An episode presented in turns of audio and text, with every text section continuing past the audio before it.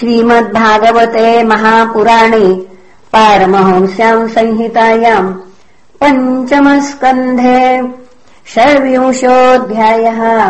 हरये नमः। ॐ श्रीपरमात्मने नमः। राजोवाच। महर्ष एतद्वैचित्रम् लोकस्य कथमिति? ऋषिरुवाच त्रिगुणत्वात् कर्तुः श्रद्धया कर्मगतयः पृथग्विधाः। सर्वा एव सर्वस्य तारतम्येन भवन्ति। अथेदानीम् प्रीतिसिद्धलक्षणस्याधर्मस्य तथैव कर्तुः श्रद्धाया। वैसादृश्यात् कर्मफलम् विसदृशम् भवति या। ह्यनाद्यविद्यया कृतकामानाम् तत्परिणामलक्षणाः श्रुतय सहस्रश प्रवृत्तास्तासाम् प्राचुर्येणानु वर्णयिष्यामः। राजोवाच नरकानाम भगवन् किम् देशविशेषा अथवा बहिस्त्रिलोक्या आहोस्त्विदरन्तराल इति। ऋषिरुवाच। अन्तराल इति त्रिजगत्यास्तु दिशि। दक्षिणस्यामधस्तात् भूमेरुपरिष्टाच्च। जलाद्यस्यामग्निष्वात्तादय। पितृगणादिशि स्वानाम् गोत्राणाम् परमेण समाधिनाम् सत्या एवाशिष आशासानानि वसन्ति यत्र हवाव भगवान् पितृराजो वैवस्वतः स्वविषयम् प्रापितेषु। स्वपुरुषेर्जन्तुषु सम्परेतेषु यथा कर्मावद्यम् दोषमेवानुलङ्घित भगवत्शासन सगणोदमम् धारयति। तत्र हैके नरकानेकविंशतिम् गणयन्ति। अथो तांस्ते राजन्नामरूपलक्षणतोऽनुक्रमिष्याम।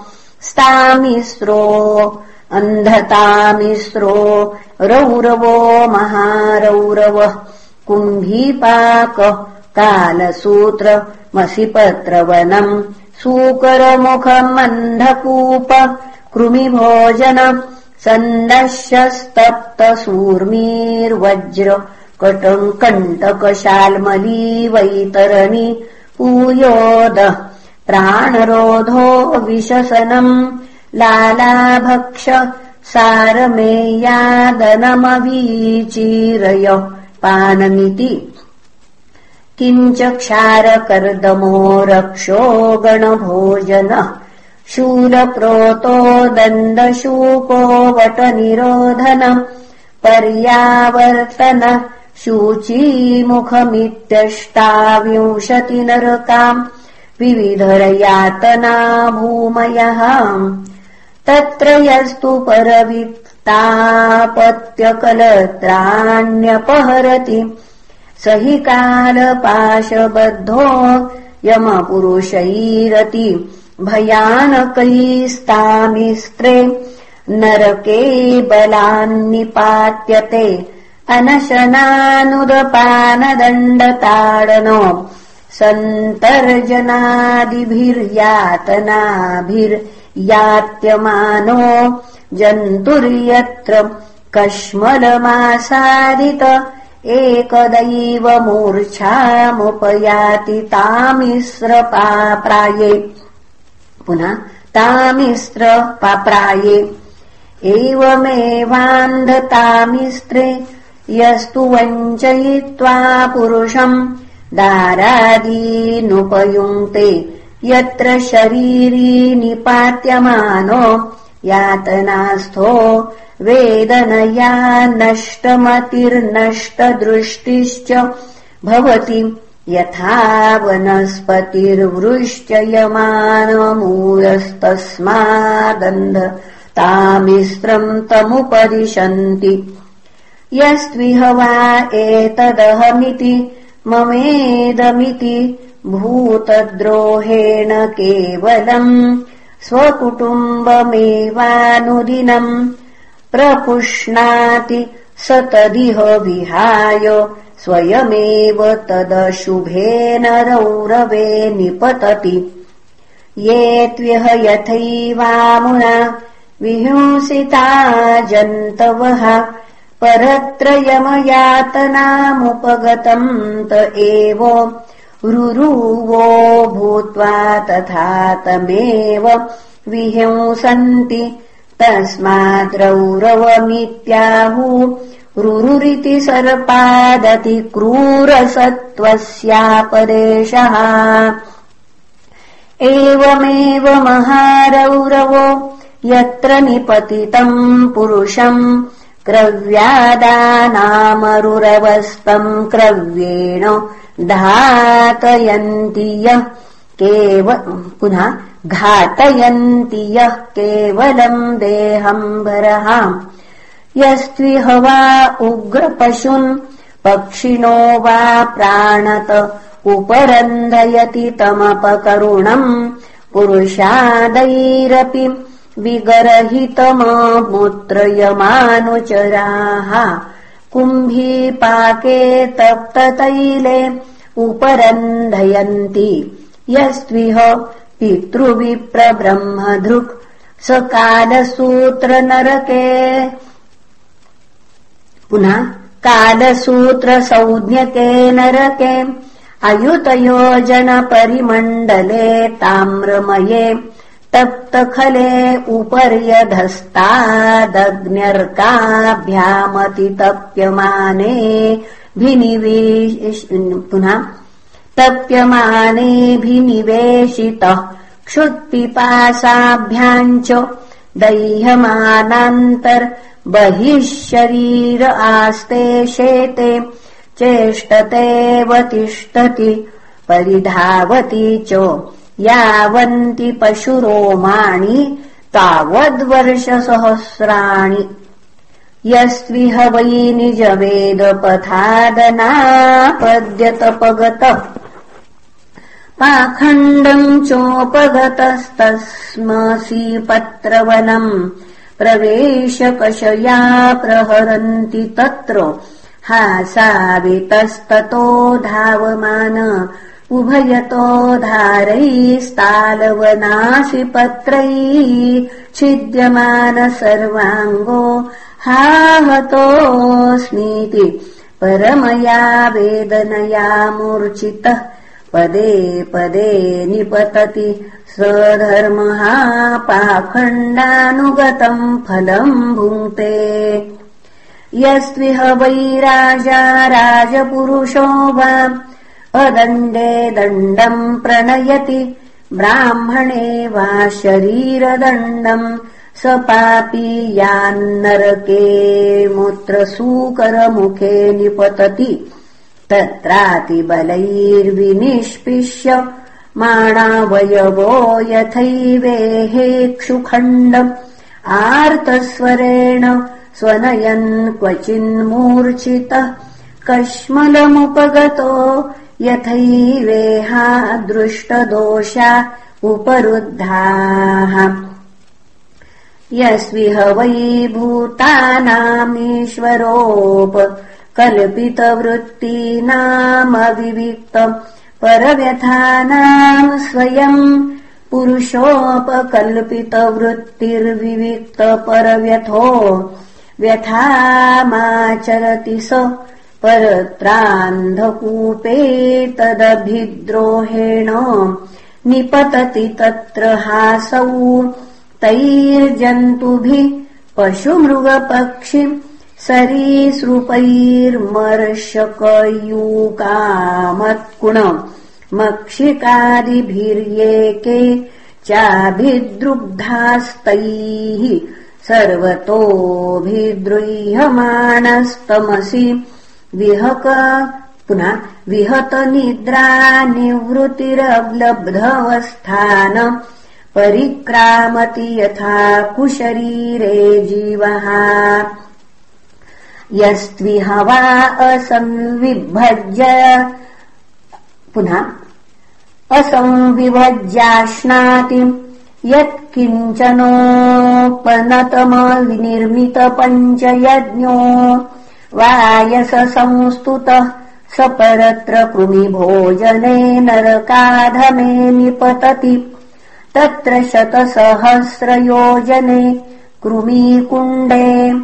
पुनः कृमिकुण्डे कृमिभूतः स्वयम् कृमिभिरेव भक्षमाण कृमिभोजने।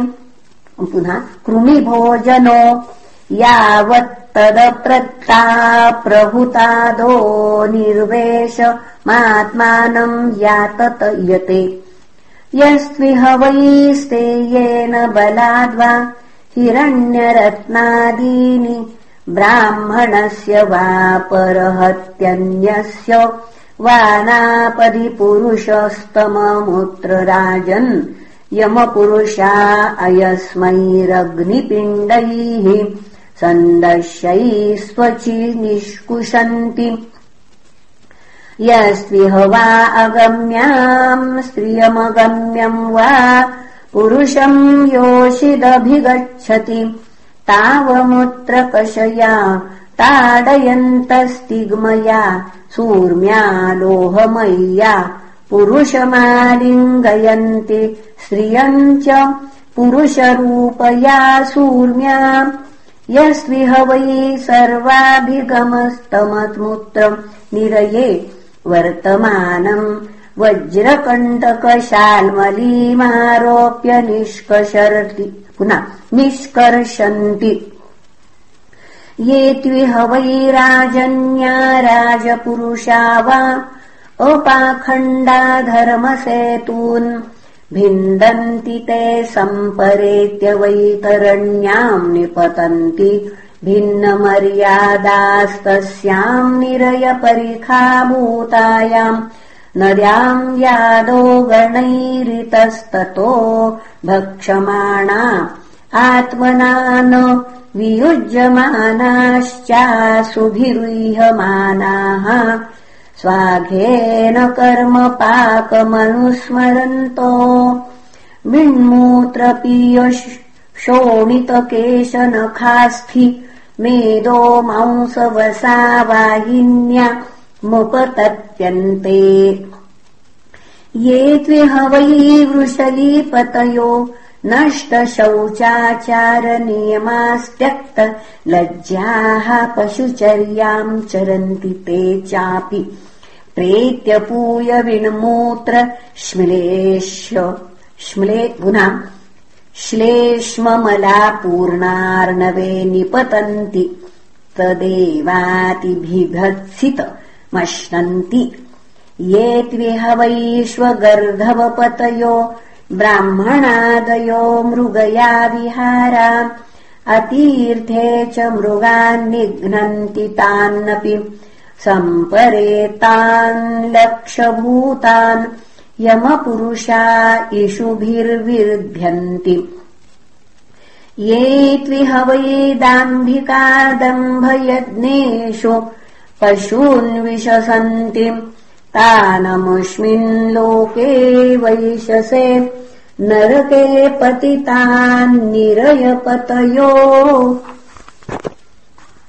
यातयित्वा विशसन्ति यस्त्विह वै सवर्णाम् भार्याम् द्विजोरेतः पाययति। काममोहितस्तम् पापकृतम् ममुत्ररेतः कुल्यायाम् पातयित्वा रेतः सम्पाययन्ति। ये त्विह वैदस्य वोभिदा गरदा ग्रामान् सार्थान् वा विलुम्पन्ति राजानो राजभटा वा तांश्चापि हि परेत्यो यमदूता वज्रदंष्ट्राः श्वानः सप्तशतानि विंशतिश्च सरभसम् खादन्ति। यस्त्विह वा अनृतम् वदति साक्ष्ये द्रव्यविनिमये दाने वा कथञ्चित् स वै प्रेत्य नरके शिरा निरवकाशे योजनशतोच्छ्रायाद् गिरिमूर्ध्नः सम्पात्यते यत्र जलमिव स्थलमश्मपृष्ठमवभासते। तदवीचिमत्तिलशो विशीर्यमाणशरीरे। न म्रियमाणः पुनरारोपितो निपतति। यस्विह वै विप्रो राजन्यो वैश्यो वा सोमपीठस्तत्कलत्रम् वा सुरामृतस्थोऽपि वा पिबति प्रमादतस्तेषाम् निरयम् नीतानामुरसि पदाक्रम्यास्ये वह्निना द्रवमाणम् कार्ष्णायसम् निषिञ्चन्ति पुनः निषिञ्चन्ति अथ च यस्त्विह वा आत्मसम्भावनेन स्वयमधमो। जन्मतपो विद्याचारवर्णाश्रमवतो। वरीयसो न बहुमन्येत। समृतक इव मृत्वा क्षारकर्दमे निरये वाक्षिरा। निपातितो दुरन्ता यातनाह्यश्रुते ये स्विह वै पुरुषाः पुरुषमेधेन यजन्ते। याश्च स्त्रियो नृपशून् खादन्ति तांश्च ते पशव इव निहता। यमसदने यातयन्तो रक्षो गणाः। सौनिका इव स्वधीतीनावदायासृक् पिबन्ति नृत्यन्ति च गायन्ति च हृष्यमाणा यथेह पुरुषादाः।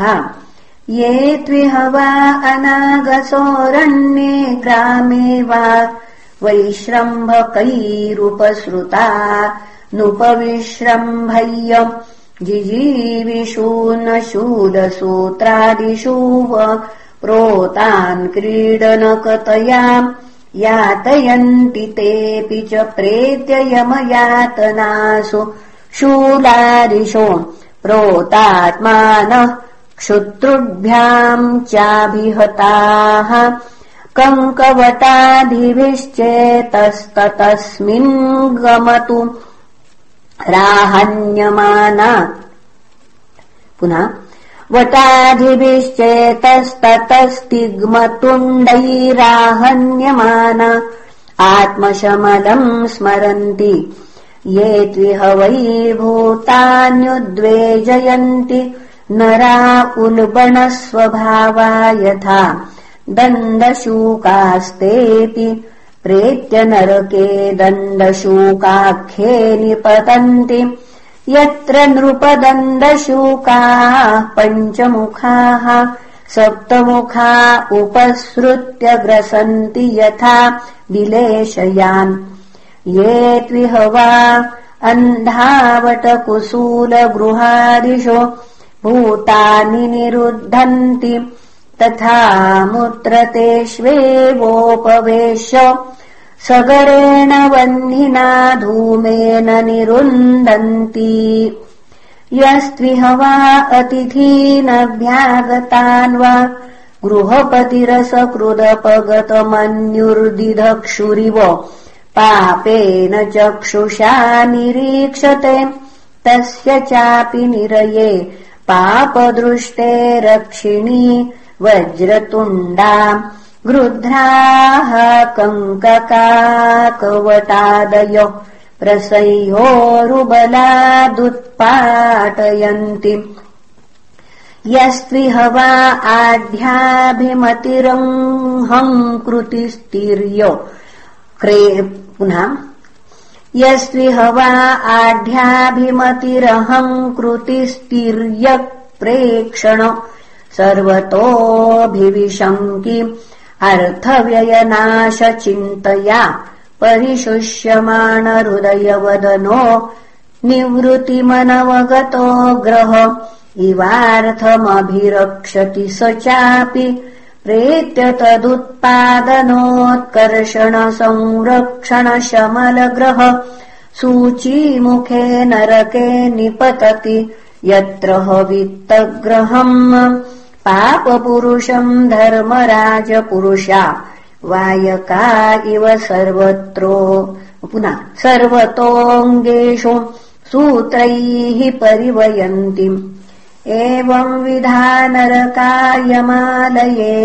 सन्ति शतशः सहस्रशस्तेषु सर्वेषु च सर्व एवाधर्मवर्तिनो ये केचिदिहोदिता अनुदिताश्चावनिपते पर्यायेण विशन्ति। तथैव धर्मानुवर्तिन इतरत्र इह तु पुनर्भवेत्। उभयशेषाभ्याम् विनिविशन्ति। निवृत्तिलक्षणमार्ग आदावेव व्याख्यातः एतावानेवाण्डकोशो यश्चतुर्दशधाम् पुराणेषु विकल्पित उपगीयते। यत्तद्भगवतो नारायणस्य साक्षान्महापुरुषस्य सविष्ठम् रूपमात्ममाया गुणमय मनुवर्णितमादृत पठति शृणोति श्रावयति स उपगेयम्। भगवतः परमात्मनो ग्राह्यमपि। श्रद्धा भक्तिविशुद्धबुद्धिर्वेद श्रुत्वा स्थूलम् तथा सूक्ष्मम्। रूपम् भगवतो यतिः। स्थूले निर्जितमात्मानम् शनैः सूक्ष्मम् धिया नयेदिति। भूद्वीपवर्षसरिदद्रिनभः समुद्रोपाताल दिङ्नरकभागणलोकसंस्था। गीता मया तव नृपाद्भुतमीश्वरस्य। शूलम् वपुः सकलजीवनिकाय धाम इति श्रीमद्भागवते महापुराणे वैयासिक्याम् अष्टादशसाहस्र्याम् पारमहंस्याम् संहितायाम् पञ्चमस्कन्धे नरकानुवर्णनम् नाम षड्विंशोऽध्यायः श्रीकृष्णार्पणमस्तु। इति पञ्चमस्कन्धः समाप्तः। हरिः ओम् तत्सत् श्रीकृष्णार्पणमस्तु। हरये नमः। हरये नमः। हरये नमः